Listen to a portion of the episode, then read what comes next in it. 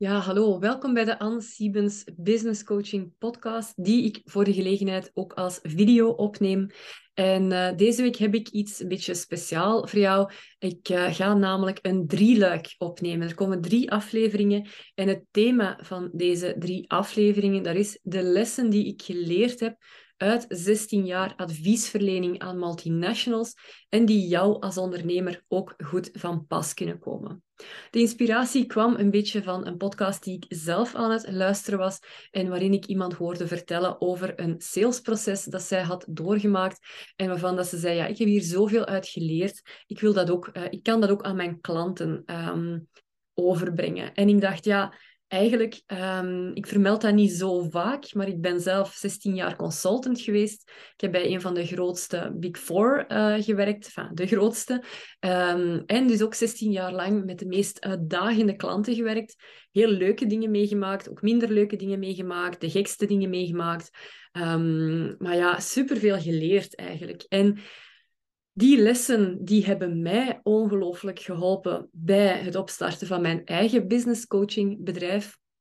Maar dat zijn ook lessen die ik ook, ja, ook doorgeef aan mijn eigen klanten. Als je met mij gaat werken als business coach, dan krijg je eigenlijk mijn ervaring van ondertussen 17 jaar adviesverlening, 17 jaar uh, sales ook.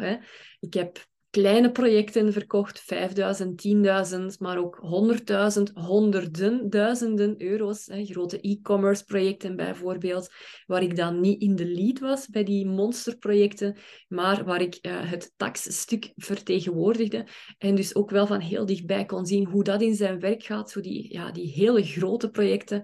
Um, maar ik heb net zo goed uh, ja, de, de kleinere bedragen verkocht en dat heeft mij heel veel geleerd over hoe gaat zo'n salesgesprek nu eigenlijk in zijn werk.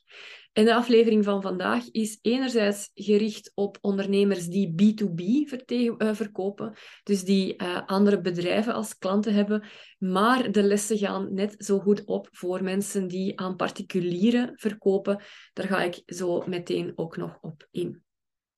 Dus drie afleveringen met lessen die ik heb getrokken uit uh, ja, jarenlang werken voor multinationals.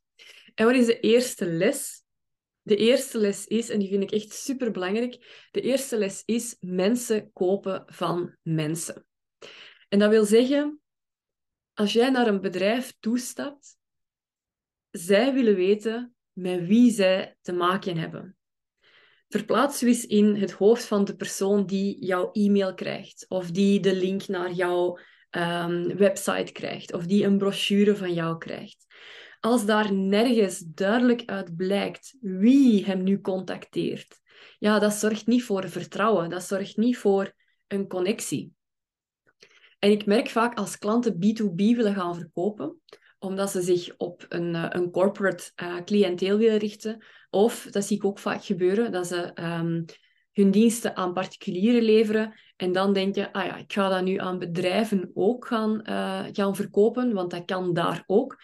Um, en dan willen ze opeens ja, extra hè, professioneel lijken. En dan gaan ze op hun website bijvoorbeeld niet meer spreken over ik, maar dan gaan ze spreken over wij en ons. Hè?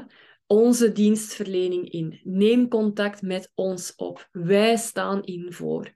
En dat maakt het direct zoveel minder persoonlijk. Um, en ze willen dan proberen om zich als meer voor te doen dan ze zijn. Letterlijk meer. Hè. Vaak zijn ze maar alleen in hun bedrijf. Um, maar willen ze het doen uitschijnen dat er meer mensen zijn, alsof dat meer ja, vertrouwen geeft hè, van kijk, wij zijn ook een groot bedrijf, maar eigenlijk bereiken ze het tegenovergestelde. Ze maken het zodanig anoniem dat die connectie ook niet meer tot stand kan komen.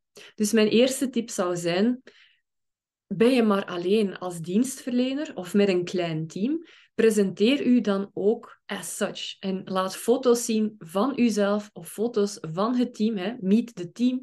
Uh, ja, ik zeg het nu in het Engels, maar dat is ook nog zoiets. Uh, het is niet omdat het in het... Um, het is niet omdat het voor een corporate cliënteel is, dat het daarom in het Engels moet zijn. Dat kan het geval zijn als je de, ja, de, de, de, de grote bedrijven echt wilt gaan aanspreken, maar richt jij je op KMO's in de buurt, ja, alsjeblieft, doe het dan gewoon in het Nederlands. Hè. Alles om die verbinding met uw klant eigenlijk tot stand te gaan brengen.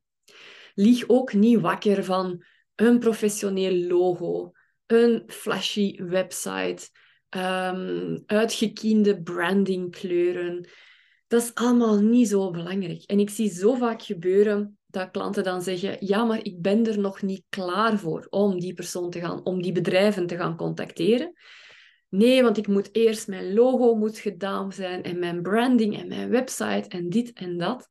En dan houden ze zichzelf eigenlijk tegen, maar eigenlijk zijn ook alleen maar smoesjes. Zorg gewoon dat je op de juiste persoon toestapt met het juiste aanbod. En uh, dan doet dat er echt niet toe hoe dat uw logo eruit ziet. En dat brengt mij dan ja, tot het tweede punt. Hè. Zorg dat je op de juiste persoon toestapt. Een mailtje sturen aan een algemeen e-mailadres is meestal een heel slecht idee. De kans dat dat mailtje uiteindelijk terechtkomt bij de juiste persoon is miniem. Waarom? Wie is de juiste persoon? Ehm, je laat het dan over aan ja, de, persoon die die mailtjes in een algemeen adres verzamelt. Je laat het aan de appreciatie van die persoon over aan wie ze dat nu eigenlijk moet gaan doorsturen. En je laat het ook aan die zijn appreciatie over hoe dringend of hoe waardevol dat dat nu eigenlijk is. Hè? Ik heb zo vaak gezien mailtjes die aan een algemeen e-mailadres werden gestuurd, die worden dan pas weken later, soms zelfs maanden later, ergens opgepikt. Ehm, en nobody cares eigenlijk. Ik denk dat dat het belangrijkste is. Als jij niet de juiste persoon kunt aanspreken, ja, kijk, als ik bijvoorbeeld uh, insta voor de recruiting in mijn bedrijf.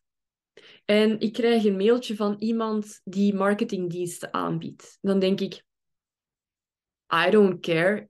Ik sta in voor de recruiting. Dat is voor mijn collega. In het beste geval ga ik het dan doorsturen aan de juiste collega. Maar als je mij misschien treft op een slechte dag of uh, ik ben heel druk bezig met mijn eigen activiteiten, dan zou het wel eens kunnen zijn dat dat mailtje ja, ergens gewoon stof blijft vergaren in mijn inbox of zelfs gedelete wordt. Dus als je mijn marketingcollega nodig hebt, zorg dan dat je de naam van die collega te weten komt. Uh, bel daarom misschien eens naar het bedrijf van, kijk, ik zou graag de, het hoofd van de marketingafdeling te spreken krijgen. Kunt je mij um, met haar in contact brengen, bijvoorbeeld. Hè? Maar stuur geen mailtjes naar een algemene nummer. Als je weet wie dat je moet gaan aanspreken, wie dat de persoon is, doe dan een beetje research. Maak uw huiswerk. Is die persoon, uh, welke achtergrond heeft die, bijvoorbeeld? Welke projecten, waar is die mee bezig? Um, vind je iets terug um, in de actualiteit, bijvoorbeeld? Hè? Uh, stel, om nu terug te gaan naar uh, het voorbeeld van de, de, de persoon die instaat voor, voor HR en recruiting. Um, stel dat ik uh, in de krant ben gekomen omdat er in ons bedrijf een groot diversiteits- en inclusieproject aan de gang is. Als jij bijvoorbeeld freelance recruiter bent, dan kun je misschien al denken, hmm, die HR-afdeling, die is misschien wel heel druk bezig momenteel met dat diversiteits- en inclusieproject. De recruiting gaat daar misschien even op een laag pitje staan.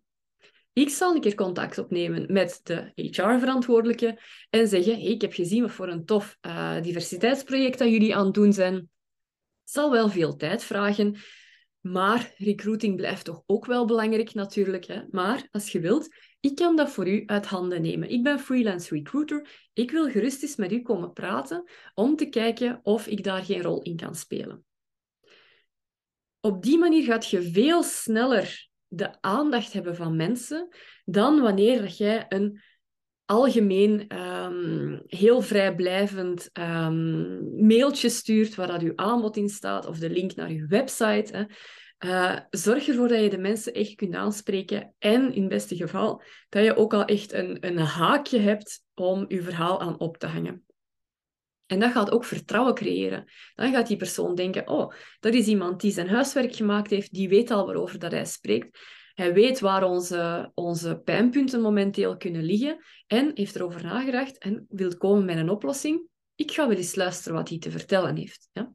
Dus dat is mijn tip nummer drie ondertussen. Dus tip nummer één was mensen kopen van mensen. Zorg ervoor dat jij zelf als mens achter je bedrijf heel duidelijk te zien bent. Tip 2 is zorg ervoor dat je de juiste persoon te spreken krijgt. En tip 3 is doe uw huiswerk. Zorg ervoor dat jij weet waar dat die persoon eventueel van kan wakker liggen. En um, zorg ervoor, toon uw bereidheid, zou ik zeggen, hè, om te luisteren naar die persoon. Wat zijn uw problemen? Waar kan ik eventueel mee helpen? Oké, en dan pas legt je aanbod op tafel. Dat zijn stappen die heel vaak worden overgeslagen. Dus wat doen mensen dan? Ze sturen een mailtje naar een algemeen nummer met hun aanbod en dan schrikken ze ervan dat ze nooit uh, reactie krijgen op dat aanbod. Wel, dat is omdat ze al die stappen hebben overgeslagen. Superbelangrijk is dus om te weten wie is uw contactpersoon, waar ligt die van wakker. En dat is niet enkel zo in een B2B-sfeer. Daarmee dat ik zei, deze tips zijn ook nuttig voor mensen die met particulieren werken. Ook als uw klant een particulier is en je wilt hem iets verkopen, zorg er dan voor dat je weet waar dat die van wakker liggen. Hè? Uw doelgroep, waar ligt die van wakker? Waar zou ze echt mee geholpen zijn? Waar willen ze geld voor betalen om gerealiseerd te krijgen? Wat is de transformatie die zij willen meemaken? Op welk punt staan zij vandaag? En waar zouden ze kunnen staan met jouw hulp op een plaats die ja, voor hen zodanig veel aantrekkelijker is dan waar dat zij vandaag staan? En het is dus net zoals dat je zou doen als je een bedrijf gaat aanspreken. Zorg ervoor dat je, ja, dat je weet van welke problemen de mensen wakker liggen en kom dan pas met je aanbod. Als je onmiddellijk je aanbod in mensen hun gezicht probeert te gooien, dan gaan zij ook ja, dan gaan zij heel defensief worden. Ze gaan een soort van uh, muur rond zich optrekken en de deur is eigenlijk onmiddellijk dicht gedaan voor een samenwerking. Maar als je eerst kunt laten zien van kijk, ik ken u, ik snap u, ik weet waar dat je van wakker ligt en ik heb de oplossing van uw probleem en dit is het, dan ga je wel hun aandacht krijgen. Dat waren mijn eerste tips, mensen kopen van mensen. In de aflevering van morgen gaan we daarop door, gaan we door op die doelgroep. Want met wie moet je nu eigenlijk willen werken? En nee, dat is niet met iedereen die geïnteresseerd zou kunnen zijn in jouw diensten. Wees daar iets selectiever in. En ehm, welke selectie daar van belang is, dat vertel ik jou heel graag in de aflevering van morgen. Dus uh, zeker, uh, zeker luisteren of als je op YouTube kijkt, zeker kijken.